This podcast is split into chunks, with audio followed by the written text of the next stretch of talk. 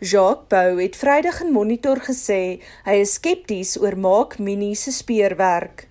Ek dink hy's 'n trotspeerder vir die hele ondersoek op die ou einde opgemors het. Ek het mooi gaan kyk na sy eie beskrywing van hoe hy die ondersoek gedoen het.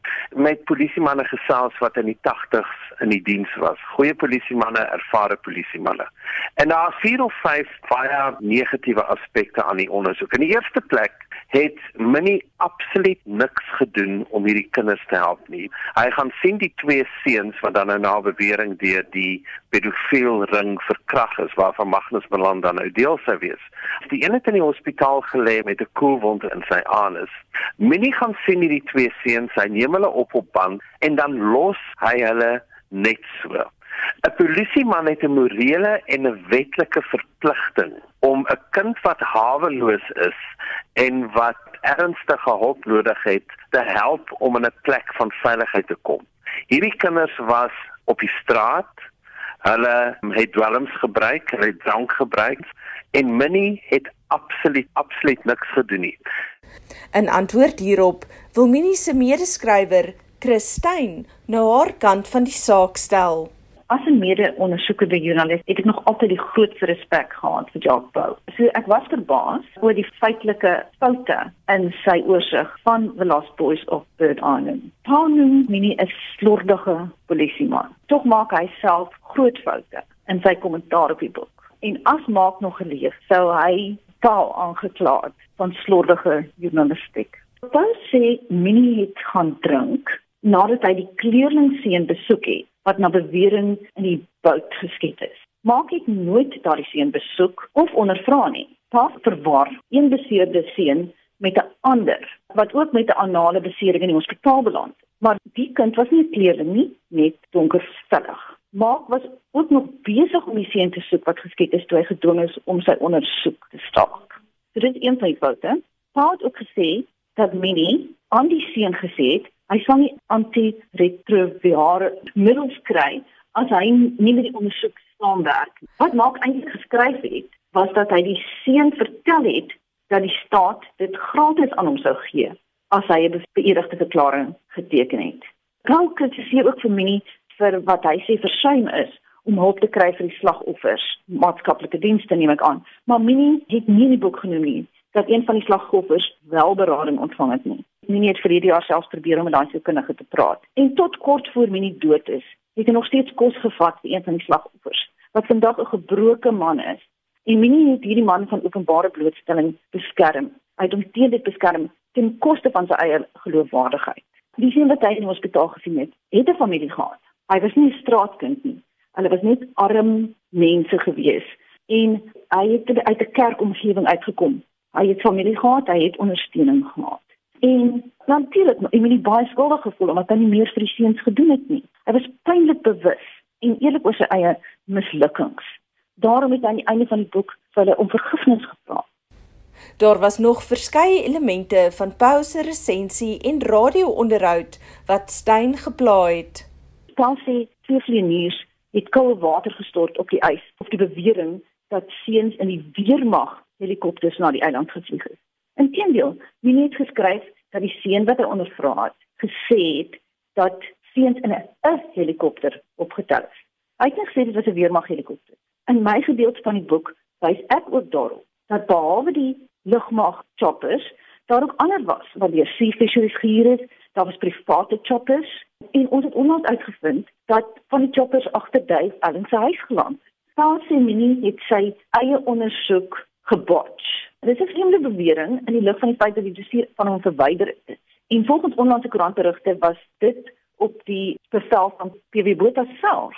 En ek wil net sê ek het ook self met 'n voormalige Air Force senior gepraat. Hy het almal bevestig dat hy drie kabinetsministers wat nie deur leiwagte vergesel was nie, na die eiland gevlieg het, daar gelos het en 5 dae later weer daar opgetel het. Ek het nog daai e-pos en ek is ek het reg om dit bekend te maak. Dieselfde as ons kom by die chirurg. Ek het Tafelberg gevra om my korrespondensie met die chirurg aan rapport voor te lê. Sy naam is daar. Hulle kon hom geskakel het en hom vir kommentaar gevra. Dit is nie 'n kwessie van hom beskerm nie. Jy weet as dit nodig is, dan sal ek sy naam bekendstel.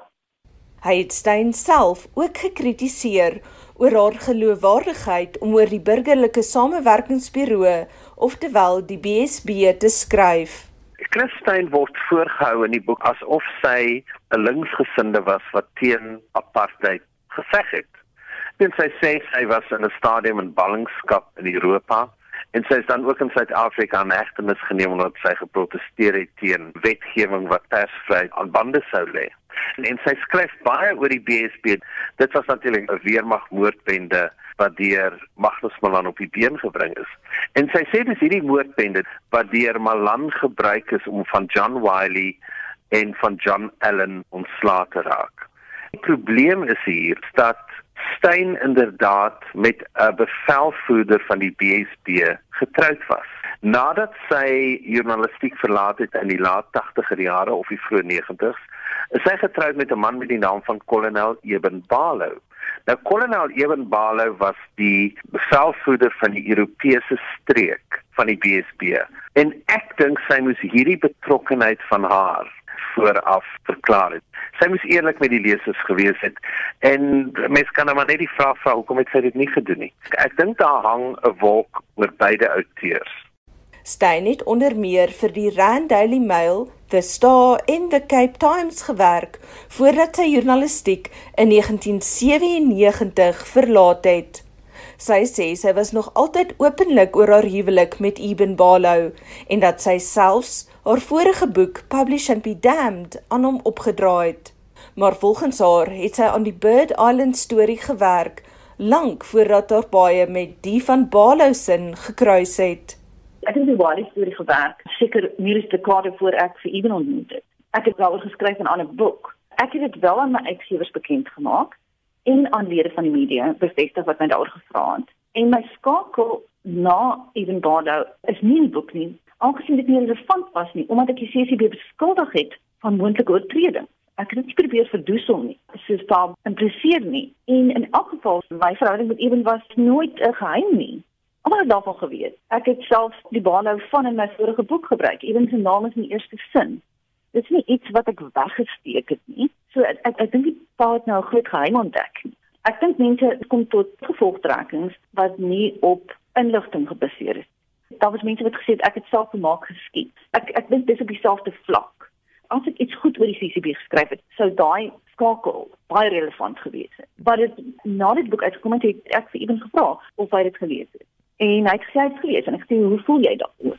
En hy het gesê it is what it is. So ek staan nie eintlik watter punt hy probeer maak daar nie. Waarvan beskuldig hy my? So hulle moet my nou probeer persoonlik aanval. En ek ek vind dit eintlik amusant dit gee my moed vir my werk want as hulle so moet sukkel om afbreek te doen aan wat ek geskryf het, dan word ek goed te voel daaroor. Dit maak my nie eers kwaad nie, regtig. Dit dit abuseer my nie. Tog wil sy nie hê hierdie onderhoud moet in 'n moddergooiery met bou ontaard nie. Paul het self die naam en die van van die sentrale figuur verkeerd gespel. Dis David Allen. Hy het hom John Allen genoem. Hy het gesê die, die menseregte kommissie die saak ondersoek. Eintlik is hy die stigter van menseregte. Dit ek het so gevoel gekry dat hy die boek nie oordentlik gelees het nie of hy het verskriklik vinnig gelees het en hy het verskriklik vinnig hierdie resensie geskryf. So dit was 'n bietjie ryk van hom om vermaak menie 'n sloppy kop te noem. Dan doen hy dit in 'n sloppy review. Maar hy's 'n goeie journalist en ek het baie respek vir hom en ek sal nooit nooit 'n persoonlike aanval op hom loods nie. Ek sal dit nooit doen nie. Dit is my ondenkbaar dat ek dit aan 'n ander journalist sal doen. Stein sê dat die boek ook slegs die eerste roof van die ondersoek afgekrap het.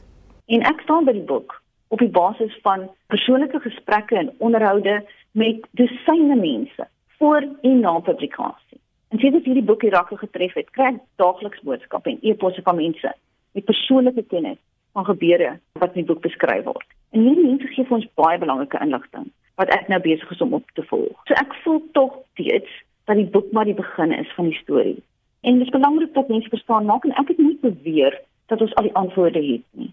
Trouwens, ons het dit baie duidelik gemaak in die boek dat die verhaal wat ons vertel gaan oor twee aparte ondersoeke wat gestop is voor ons kon bereik met daai ondersoeke wat ons wou bereik. Die outeur Christyn en ek is Anne Marie Jansen van Vuren vir SAK nuus.